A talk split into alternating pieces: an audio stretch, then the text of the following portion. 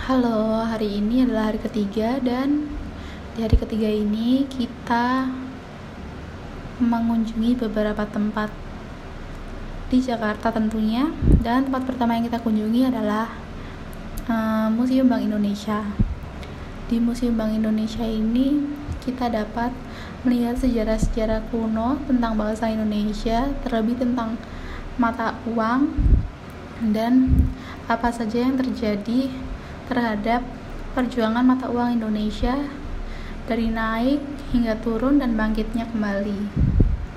Museum Bank Indonesia ini menyajikan informasi tentang peran Bank Indonesia sendiri dalam perjalanan sejarah bangsa yang dimulai sejak sebelum kedatangan bangsa barat di Nusa Tenggara hingga terbentuknya Bank Indonesia pada tahun 1953 dan kebijakan-kebijakan Bank Indonesia meliputi pula latar belakang dan dampak kebijakan Bank Indonesia bagi masyarakat sampai dengan tahun 2005. Penyajiannya juga dikemas dengan baik sedemikian rupa dengan menggunakan teknologi modern dan multimedia seperti display elektronik, panel statik, televisi plasma terus ada juga diorama sehingga di museum ini tuh kita uh, sebagai pengunjung itu merasa nyaman. Terus selain itu terdapat juga ada fakta-fakta sama koleksi-koleksi benda bersejarah pada masa sebelum terbentuknya Bank Indonesia.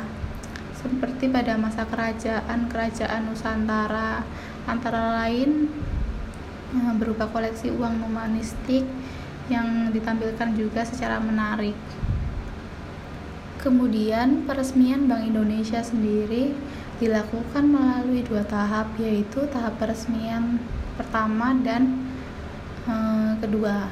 Yang pertama itu dibuka untuk masyarakat atau soft openingnya itu pada tanggal 15 Desember 2006. Nah, pada saat itu tuh gubernur Bank Indonesia itu adalah Burhanuddin Abdullah. Dan peresmian kedua uh, diresmikan oleh Presiden RI Susilo Bambang Yudhoyono pada tanggal 21 Juli 2009 dan Museum Bank Indonesia sendiri dibuka setiap hari kecuali Senin dan hari libur nasional. Terus tadi uh, untuk masuk ke Museum Bank Indonesia kita nggak perlu bayar kita hanya menunjukkan kartu tanda mahasiswa kita aja. Kemudian kita dikasih tiket dan setelah itu kita bisa masuk.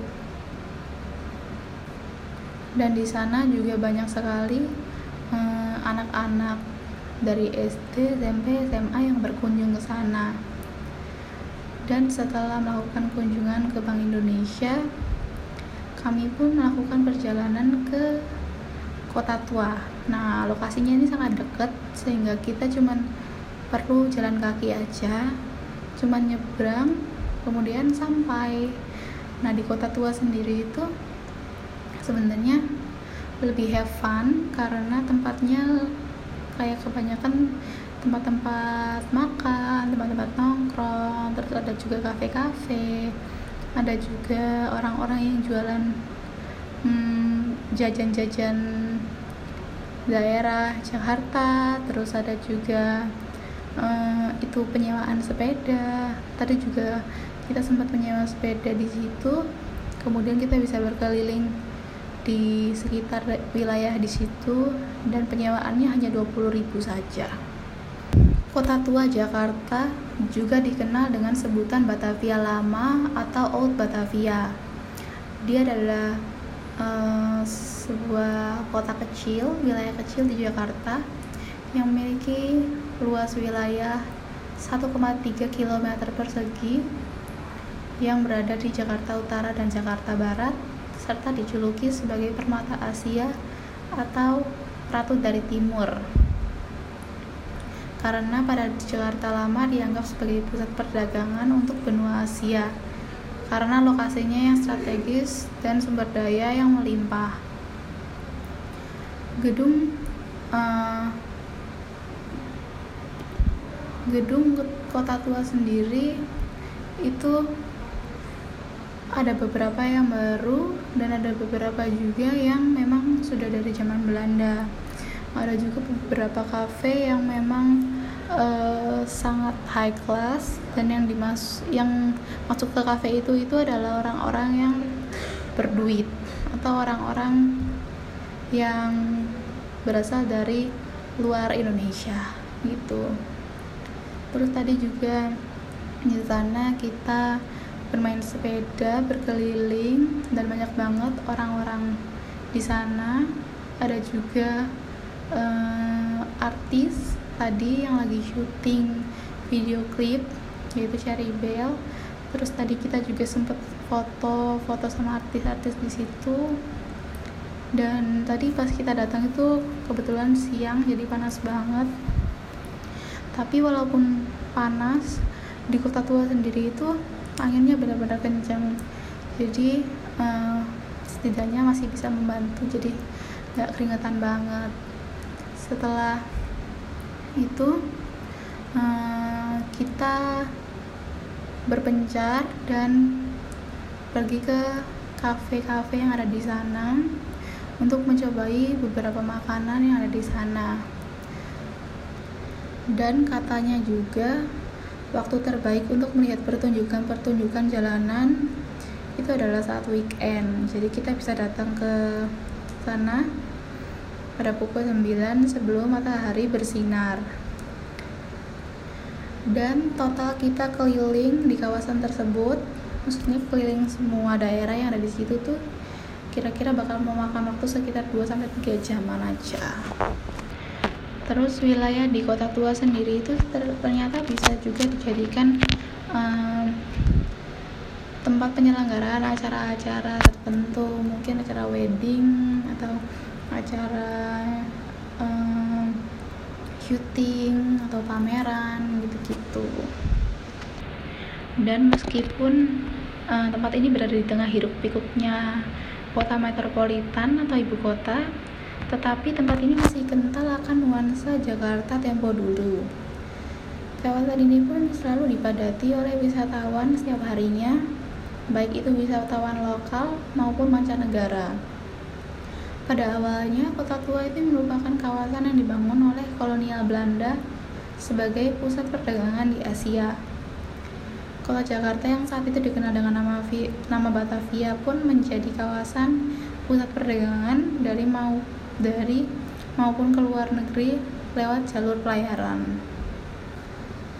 Terus juga kita bisa mengunjungi kota tua itu di malam hari karena suasananya akan lebih syahdu, lebih sejuk dan um, buat teman-teman yang melepaskan stres atau penat karena seharian beraktivitas itu bakal membantu banget kalau misalnya jalan-jalan di sana.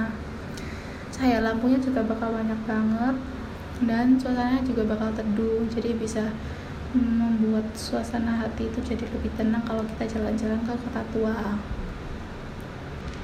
terus juga ada beberapa spot yang ada di dalam kota tua Jakarta nah salah satu spot wisata yang menarik yang dapat kita kunjungi selama berada di kota tua Jakarta adalah salah satunya Museum Fathahila wisata yang satu ini sepertinya sudah nggak dapat dipisahkan dari kota tua itu sendiri. Dan dapat dikatakan jika museum ini menjadi um, saksi bisu perjuangan masyarakat Indonesia dalam mencapai kemerdekaannya. Awalnya, museum ini itu diberi nama Museum Batavia ketika masa penjajahan VOC dan gak hanya dijadikan sebagai balai kota tapi juga dijadikan sebagai ruang pengadilan hingga penjara bawah tanah. Jadi gak heran kalau misalnya ada banyak sekali benda-benda peninggalan dari zaman Belanda yang masih tersimpan rapi di Museum Fatahila ini. Terus untuk masuk ke dalam museum ini kita hanya perlu membayar tiket masuk sebesar 2000 saja.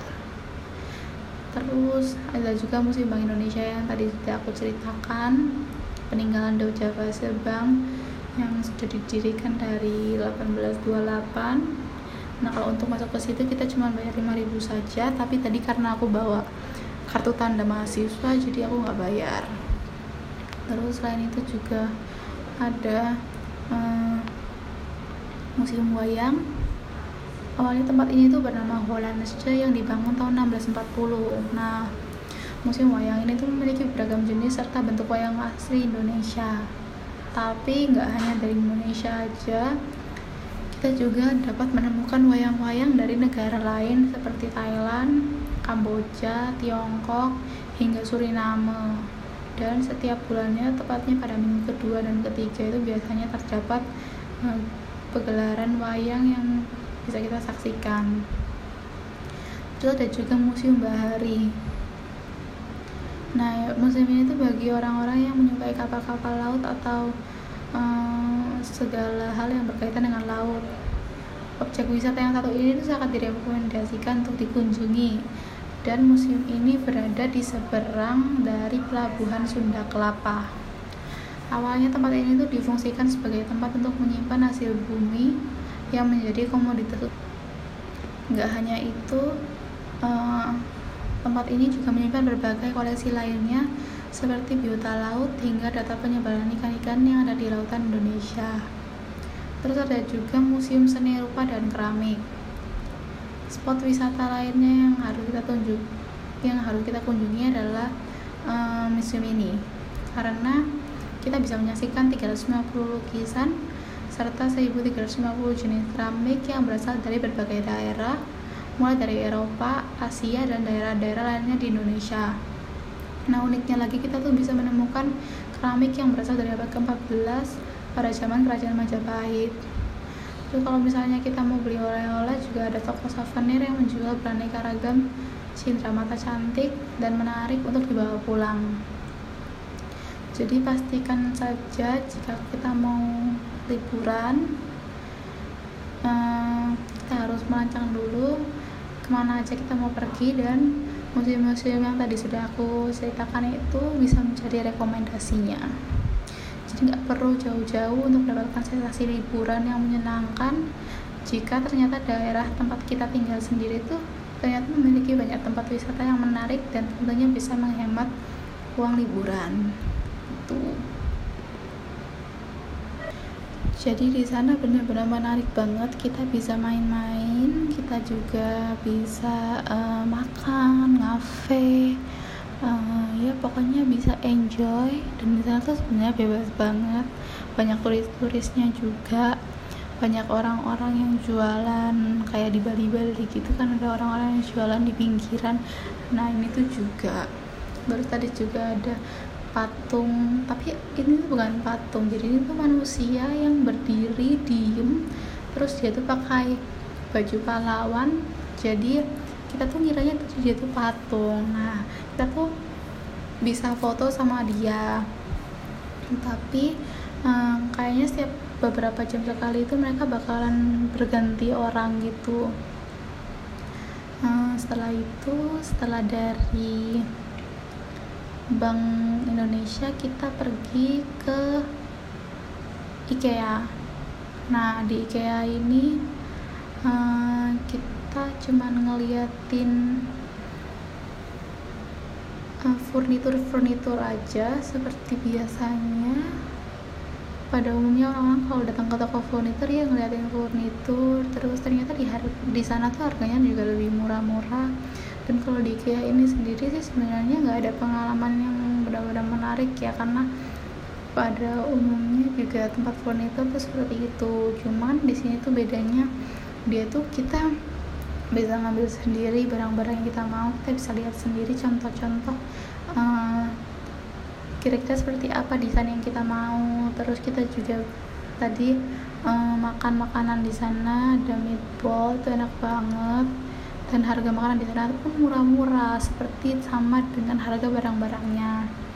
Terus di IKEA sendiri itu uh, walaupun kita kayak mengurus diri sendiri atau self service tapi di sana juga ada karyawan-karyawan yang bakal bantu atau nunjukin kita tempat kita membeli barang itu di mana atau ke mana. Apalagi buat kita yang baru datang ke Jakarta.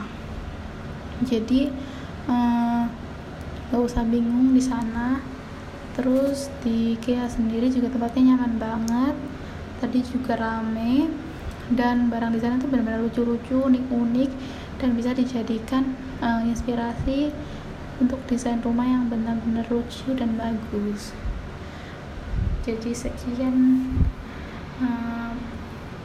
cerita